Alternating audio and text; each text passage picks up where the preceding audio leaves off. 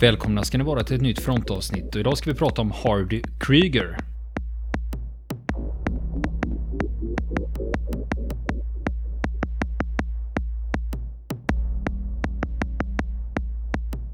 Och nu fortsätter historien om Hardy Kruger. Och så tidigt en morgon så fick de order om att utplåna en amerikansk spaningspatrull som hade iakttagits i en skogsglänta. Och, de, och patrullen var på väg rakt mot Krygers grupp. Inga fångar, löd orden. För man hade noterat att det fanns svarta soldater i patrullen. Efter vad man kunde se då. Och Kryger, han beordrade sina soldater att gömma sig under vegetationen och rikta vapnen mot patrullen. Patrullen har ingen aning om deras närvaro, utan de smyger fram. Där. Och gör det spanare ska göra, naturligtvis. Ser, kollar, observerar. Han ger också order till dem då att ingen fick börja skjuta förrän gruppchefen hade avfyrat sitt vapen. Det skulle vara signalen till strid. Och patrullen går rakt i fällan. Den kommer upp väldigt nära deras ställningar utan att ha en aning om var de är de befinner sig mitt framför mynningarna på 16-åringarna. Och Kryger han har dem på kornet. En efter en kom de närmare. Ser deras ansikten en efter en på nära håll. Och sen låter han dem löpa en efter en. Han låter bli att skjuta. För han sa, det var en annan sak att se fienden på så nära håll. Och se ansiktena och se att det var vanliga människor. För tidigare så hade han bara sett dem på extremt långt håll, de amerikanska soldaterna. Han sa, när dessa bruna punkter sköt på mig från fjärran sköt jag tillbaka. Det var jag tvungen att göra för att rädda mig själv. Men när dessa punkter kom närmare kunde jag helt enkelt inte skjuta längre därför att jag plötsligt såg människornas ansikten. Och nazisterna lyckades inte göra en mördare av mig. Så har han sagt i en intervju för bara ett par år sedan. Han hade fingret på avtryckaren men sköt alltså inte. Och därför så sköt ingen annan heller i gruppen. Och patrullen, den slinker in bakom de tyska linjerna. Hamnar i en eldstrid längre bort, hör de. Och det blir förluster på båda sidor. Efter det här så blir det naturligtvis utredning. Kryger, han förs till en dammig lada för att dömas av en provisorisk krigsrätt för ordervägran. Domaren, har han berättat då själv, ställde knappt en enda fråga utan avkunnade snabbt en dom om att han feghet inför fienden och dömde honom till döden genom arkebusering. Men då, när han står där framför exekutionsplutonen, så dyker en annan SS-officer upp som har högre grad än officeren som hade avkunnat dödsdomen. Han sa att han hade också en massa medaljer på vapenrocken. Och han stoppar avrättningen. För han sa, han såg att jag bara var en barnsoldat. Jag var 16 men jag såg ut som 12. Han beskrivit den här situationen själv. Men det innebar ju inte nödvändigtvis att han var räddad för det. För den här officeren befaller Kryger att han skulle placera sig i skyttevärnet bredvid hans eget. Officeren utser honom till stridsordonnans. Och det är ett av de farligaste uppdragen på slagfältet. Och han ger honom alltså, officerens tanke var att ge honom chansen till en ärofull död på slagfältet som det hette då. För han räknade med att han skulle stupa för att gottgöra misstaget. Att inte skjuta på den amerikanska patrullen. Och efteråt då, långt senare, så har han skrivit att här kom ju en uh, brytning för honom på allvar med, med nazisterna. Så att säga. Det får man tänka, tänka vad man vill om. Eh, så att säga. Men han sätts in till att göra de här uppdragen då. Desperat och med tankarna liksom farande runt i huvudet som i en dimma så sprang han då med en skriftlig order till ett SS-förband eh, med vad han trodde var bulgariska frivilliga. Och kulorna från de amerikanska krypskyttarna visslade runt omkring honom. Men när han skulle tillbaka igen efter att ha lämnat över det här meddelandet så bestämde han sig istället för att desertera. Han gick helt enkelt därifrån, gömde sig i bergen och tillbringade de sista dagarna och veckorna med att hålla sig gömd i alphyddor och övergivna bondgårdar. Ja, för det var ju bara ett fåtal dagar kvar. Ja, det var ju inte långt kvar var det ju inte. Och en dag när han gömde sig på bergssidan ovanför en stad som heter Lofer i Tyrolen så märker han då att vapnen har tystnat nere i dalen. Och han hör kyrkklockorna ringa. Och han uppfattar det här som att ja, nu måste kriget vara slut. Och han ger sig till känna och hamnar i ett fångläger. Ett tillfälligt amerikanskt fångläger som leds av en ung kapten. Han säger att det här fånglägret då, det var egentligen bara en bondgård med en äng och taggtråd runt omkring och på ängen där låg alla fångarna. Och kaptenen han började en disk politisk diskussion med mig. Och det hettade till rätt snart därför att jag sa till honom att släppa mig. För att nu skulle ju mitt liv börja. Och min nyfikenhet på vad som skulle komma var väldigt stor och jag hade anledning att glädja mig åt freden. Han hade ju varit dödsdömd som sagt och hade klarat sig med en hårsmån därifrån. Och därför sa jag till kaptenen, ni lovade mig på radio att ni skulle befria oss, men om befrielse är ju inte det här. Jag har aldrig suttit bakom, tagg, bakom taggtråd. Och släpp ut mig. Och kaptenen, han var, och han var rasande då. Kaptenen argumenterade, ja men du har ju varit nazist. Och eh, då svarade jag att eh, när jag kom till skolan så hängde det en Hitlerbild på väggen. Och på, hemma i, där jag bodde så stod det en eh, Hitlerbyst på pianot. Och de sa att det, är, det där är Gud fader själv. Och senare så märkte jag att så var det ju inte. Men när ni i Amerika har upplevt strejkande arbetare på gatan och eh, konflikter i kongressen. Alltså när jag uppfostrats demokratiskt så har jag blivit uppfostrad militärt. Och det är inte min skuld. Men ni gör mig skyldig när ni behåller mig här. Och då sa kaptenen att strax så kommer det en gulaschkanon till lägret. En gulaschkanon, du vet vad det är? Ja, maten, ja precis kokvagn. Och jag ska se till att ingången inte är bevakad ett par minuter. Och det var hans vink till mig att, ja men gå, gå då. Så han smet ut ur det här provisoriska fånglägret och börjar vandra hemåt. Från södra Tyskland till Berlin. Och som han sa, det här var ju ett land som var i ruiner som jag vandrade igenom till fots. Det var en underbar varm majmånad har han berättat. Och det var ett land utan framtid.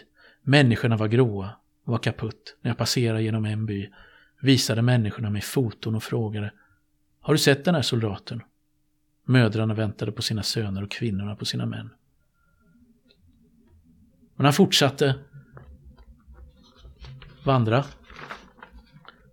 Och gick bara på natten eftersom han var rädd för de allierade soldaterna, rädd för att bli gripen igen. På dagarna så sov han i skogarna. Och om bönderna vägrade ge honom något att äta så stal han från bagerier på vägen. Och den här vandringen då, den tog 46 dagar. Då är 46 dagar, det är ju juli ja, någon gång. Han är framme i juli då, ja. han kommit hem. Och hans mor då kunde inte sluta gråta när hon såg honom. Hon hade ju inte hört, fått en enda nyhet då från efter att han hade blivit inkallad och trodde ju att han var död. Naturligtvis, men hans far hade ryssarna fört bort till ett läger och han skulle aldrig komma hem därifrån. Då han kom att dö i det här lägret borta, borta i Sibirien. Och eh, hans mor är svårt sjuk och han hjälper henne att komma till några släktingar i eh, de västallierades på de västallierades område i den amerikanska zonen. Och för att komma dit och så åkte de på taket på ett överfullt tåg. Och sen arbetade han på gården i den här byn en tag men blev rastlös. Och hörde på amerikansk militärradio att den stora teatern i Hamburg, Schauspielhaus, hade öppnat igen. Och han hade ju varit med i en film då, 43. Och tänkte att ja, men skådespelare var inte så dumt, det där, det där vill jag hålla på med. Så han beger sig till Hamburg. Han hoppar på ett koltåg som går norrut. För att han ville spela teater. Och kommer fram då till den här teatern. Kolsvart av koldammet. Från topp till tå. Han sa, det, han, han sa det, jag såg ut som en blond sudanes. Och han provspelade för en roll på teatern. Och fick roll som statist. Och eh, senare så arbetade han även som hallåman på radiostation medan eh, parallellt med att hans, eh, hans teater och filmkarriär tog fart i, i det nya Västtyskland. Och 1956 redan så får han den första internationella framgången. Eller förlåt, 1957 får han den första internationella framgången. För då spelar han i en engelsk film. Som heter The One That Got Away. Och eh, han spelar huvudrollen som tysk officer. Frans von Werra. Det är en officer som har funnits i verkligheten. Han tillhörde Luftwaffe och blev nedskjuten under slaget om Storbritannien. Och lyckades fly från ett, den enda tyske flygofficer som lyckades fly ur brittisk krigsfångenskap. När han fördes över till Kanada till ett läger så rymde han och tog sig till USA som då ännu inte var i krig med Tyskland. Tog sig därifrån till Sydamerika och därifrån hem via långa kringelikrokar. Då är man här, motiverad. Då är man motiverad. Han, stu, han kommer sen att stupa längre fram under, under kriget. Men eh, den här historien eh, tyckte engelsmännen var så spännande som man gjorde en film av den efteråt då på 50-talet. Med Hardy Kruger som han hade börjat kalla sig då som eh, i huvudrollen som Frans von Werra. Och, eh, och eh, alltså det där var ju en, ledde till en ganska intressant uppträde i samband med presskonferensen för filmen. Det kan vara värt att berätta det också. Kan det vara då att eh, det blev en presskonferens i London. Med massor av journalister då. Och skådespelarna och regissören som det brukar vara i sådana sammanhang. Den första fråga han får från en journalist. Var du nazist? Och han blir helt ställd. Det här hade han inte väntat sig då. Hade han inte varit liksom som att få ett slag i maggropen då.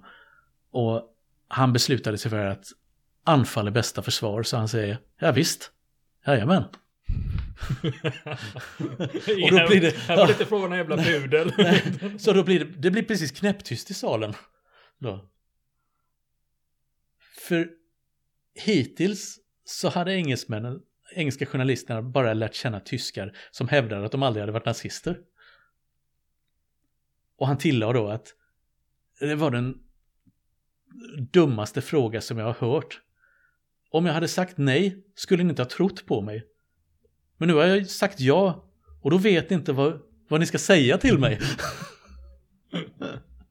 Så han blev, han blev riktigt ilsken då där under presskonferensen. Och sen ställer han motfråga till reportern då. Hur, hur kom det sig att ni liksom eh, eh, kom att tro att jag varit nazist? Och reportern då, visade sig vara en ganska känd reporter, Tom Wiseman, heter han, svarar då att Ja men titta, se dig själv i spegeln, ni ser ut som en. han, var ganska, ja, han, såg, han såg ut på den här tiden som ett väldigt bra ariskt exemplar om man säger så gjorde han. Typecastad liksom verkligen på det sättet då. Och eh, då svarade han då ilsket att ja, jag kan förstå att ni som jude har någonting emot tyskar. Var på reporten frågar Hur vet ni att jag är jude? Och han svarar Ja men se er i spegeln. och då sa då bröt helvetet löst i pressrummet. Jag tänkte man, det? man kände till hans namn, att han Ja. hette Weissman. Ja, precis. det- Nej, inte det. Så att då bröt helvetet löst i pressrummet. Så han. Och sen hade alla brittiska tidningar emot mig. Och trots det så blir filmen en jättesuccé. Och han och reportern blir vänner för livet. Efter det. Och då visade det sig, då får han ju reda på vad den här reportern hade varit med om. Att han var österrikisk jude. Hade blivit utsmugglad ur Österrike innan innan eh, nazisterna stängde gränserna och hans föräldrar hade blivit mördade i nazistiskt läger. Men de blev vänner på kuppen vid det här, efter det här uppträdet då. Mot alla odds kan man säga Mm. i det fallet.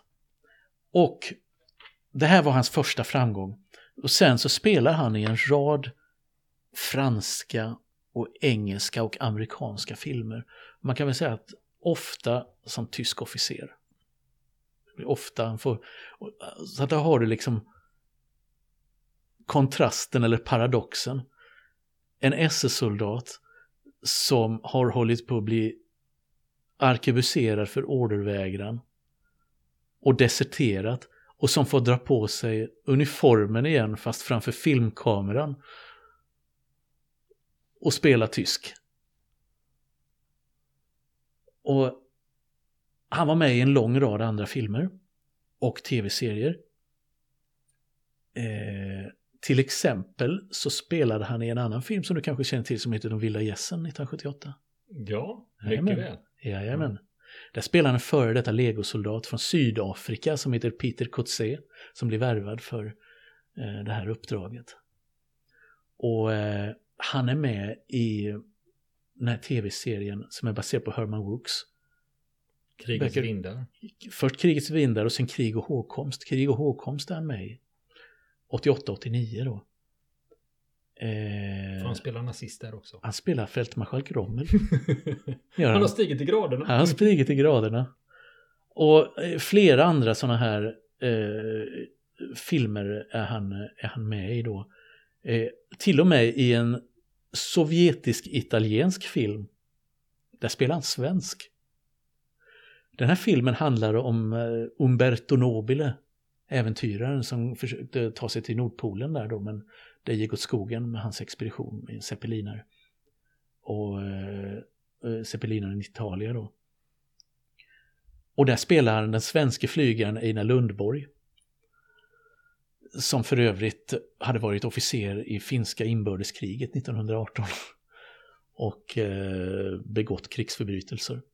Där. Men det är en annan historia.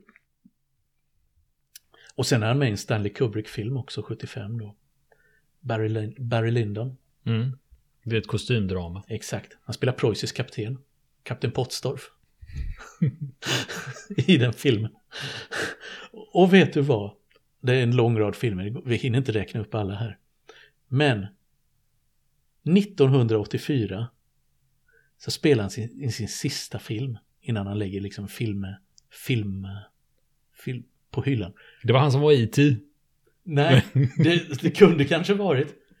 Filmen heter Slagskämpen och är en brittisk-svensk produktion inspelad i Stockholm och på Arlanda. Ett slags kalla krigsdrama med amerikanska agenter och vetenskapsmän och så vidare. Tydligen en superdålig film, för den har inte lämnat några större avtryck någonstans. Men i filmen så spelar den mot bland annat Gösta Ekman, Elof Arle och Torsten Wahlund och Lena Endre. Hoppla. Ja, bara Ja. en sån sak. Mm. Och det blev hans sista film då alltså. Ja. Blev det. Men eh, Mm. det, var, det var en, delvis en svensk produktion. Ja. Sa du. För vill Mm. ni, eh, det, här, det här är ett bra tips. Mm. Vill man veta någonting om svensk film eller svenska Mm. tv-serier eller skivor också för den delen så finns det något som heter Svensk mediedatabas Just det. som ligger på nätet och där är det eh, jättebra att söka efter, eh, Mm. efter personer eller filmer eller regissörer och allt möjligt. Mm. Och, eh, så om man går till Svensk mediedatabas och söker på Kryger då borde ju Mm. den här slagskäm- slagskämpen Jajamän. dyka upp då. Exakt. Fast han dyker oftast upp då under namnet Hardy Kruger. Alltså utan de tyska prickarna över huvudet då. Gör den. Söker man på honom så hittar man honom i filmdatabaserna. gör man. Hardy Kruger. Och det in, att han avslutade sin filmkarriär innebar inte att han satte sig ner och gjorde ingenting. För att han har varit en oerhört flitig författare och samhällsdebattör. Långt upp i åren. Och han var verksam till åtminstone för ett par år sedan. Som det. Och bland annat, framförallt då, så har han engagerat sig mot politiska extremiströrelser, nynazister och extrema vänsterrörelser. Och hans budskap är att tig aldrig. Man måste dra fram dem i ljuset. Och han har då bland annat varit engagerad i, varit med och startat olika initiativ. Så sent som när han var 85 så startade han en organisation för att, eh, att eh, hindra, före, att förebygga att ungdomar anslöt sig till nynazistiska rörelser och andra extremrörelser.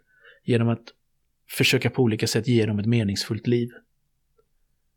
Meningsfull fritid och, och eh, ja, ge dem hopp om framtiden. Och har varit mycket ut, ute och föreläst på skolorna och aldrig gjort någon hemlighet av sitt förflutna. Då, att han har, han har varit en gång i tiden en fanatisk nazist. Utan det har han alltid har han, har han berättat om och att och han har berättat att han redan på 50-talet när antisemitismen dök upp igen i Tyskland blev oerhört provocerad av detta. Och sen dess har han liksom haft ett långvarigt engagemang mot, det, mot hat och extremism. Jobbat med, jobbat med detta.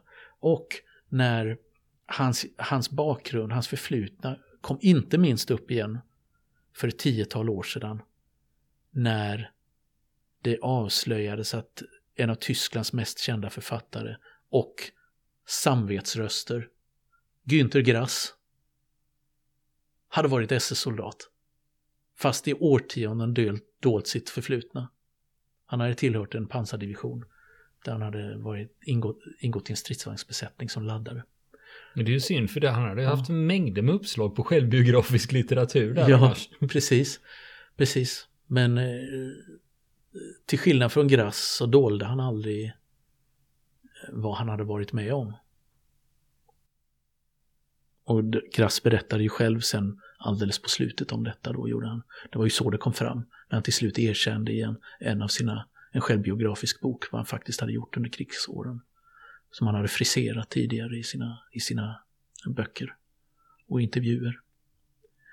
Och, eh, och vilket väckte stor uppståndelse och upprördhet på många håll i Tyskland eftersom han hade tvålat till många andra för vad de hade gjort och så vidare. Och så hade han, hade han dolt detta då. Han hade ju i alla fall enligt egen utsago inte anmält sig frivilligt utan han hade blivit inkallad också i Waffen-SS men det, han hade väl inte tyckt att det var något att skryta med på 50-talet riktigt. Att han hade varit med där. Men mycket av det här, slutligen, finns beskrivet i, i böcker som, eh, som eh, Hardy Kruger då, eller Eberhard Kruger har, har skrivit och bland annat en då som den senaste boken han skrev som kom för två år sedan. Som heter då på tyska Was das Leben sich erlaubt mein Deutschland und ich. Vad livet tillåter sig. Mitt Tyskland och jag så skriver han om sin uppväxt på 30-talet och under skoltiden på 40-talet på den här elitskolan och sina krigsupplevelser. Och hur han, eh, ja, hur, eh, hur han fick sin världsbild rubbad och började komma på andra bättre tankar. Eh, tyvärr inte översatt till engelska eller något annat språk, men är man duktig på tyska så kan jag rekommendera. Det är en, det är en bra bok. Men om man har gett ut flera böcker, det borde mm. ändå finnas någonting översatt eller är det? Ja, jag har inte hittat någonting. Det är möjligt Nej. att det finns men eh, det, de jag har tittat på har tyvärr inte översatts. Mm. Har de inte gjort. Han är, han är känd som, han är känd som inte, internationellt, han känd som skådespelare men som författare bara. I Tyskland. Mm. Nej men jag tänkte med att han är, mm. i och för sig är man, är man inrikespolitisk debattör också. Ja, precis. Så är ju liksom mm, intresset utifrån eh, kan vara ganska svalt. Ja, precis. Precis, och så är det väl i det här fallet. Är det. Men boken kan rekommenderas till den som, som eh, är um, lite slängd i tyska. Mm. Men, men, eh, men, han bodde, bodde han i Hamburg nu för tiden? Mm, han bor i Hamburg. Mm. Vet du adressen? Det kan vi ta reda på. jag får tänka på, det finns ja. ett gammalt tv-inslag från SVT. Mm. Eh, där de åker ner på vinst och förlust därifrån slutet på 80-talet. De åker ner till Tyskland för att intervjua Ernst Jünger. Ja, just det. är bara att fråga sig ja. runt liksom. Ja. Vet ni var han bor? Så ja. Slut kommer dit. Ta, ta herr Jünger emot. Ja. ja, jo, ni kan komma in och prata med honom. Ja. Jag såg det där inslaget och jag letade efter hakan på golvet när jag såg det. Därför tänkte jag, va? Lever den gubben? ja. Hade inte en aning. Så jag såg det. Han blev ju urgammal. Ja, ja. Mm. Det är samma som Kirk Douglas i 101. ja, just det. Fantastiskt. Ja, det är väl tur med de som blir gamla. Ja. Vill ni komma i kontakt med oss så kan ni göra det via vår Facebook-sida som heter Fronten. Det är inga problem för er att leta er fram där. Eller också så mejlar ni på vår mejladress och det är frontenpodcastgmail.com.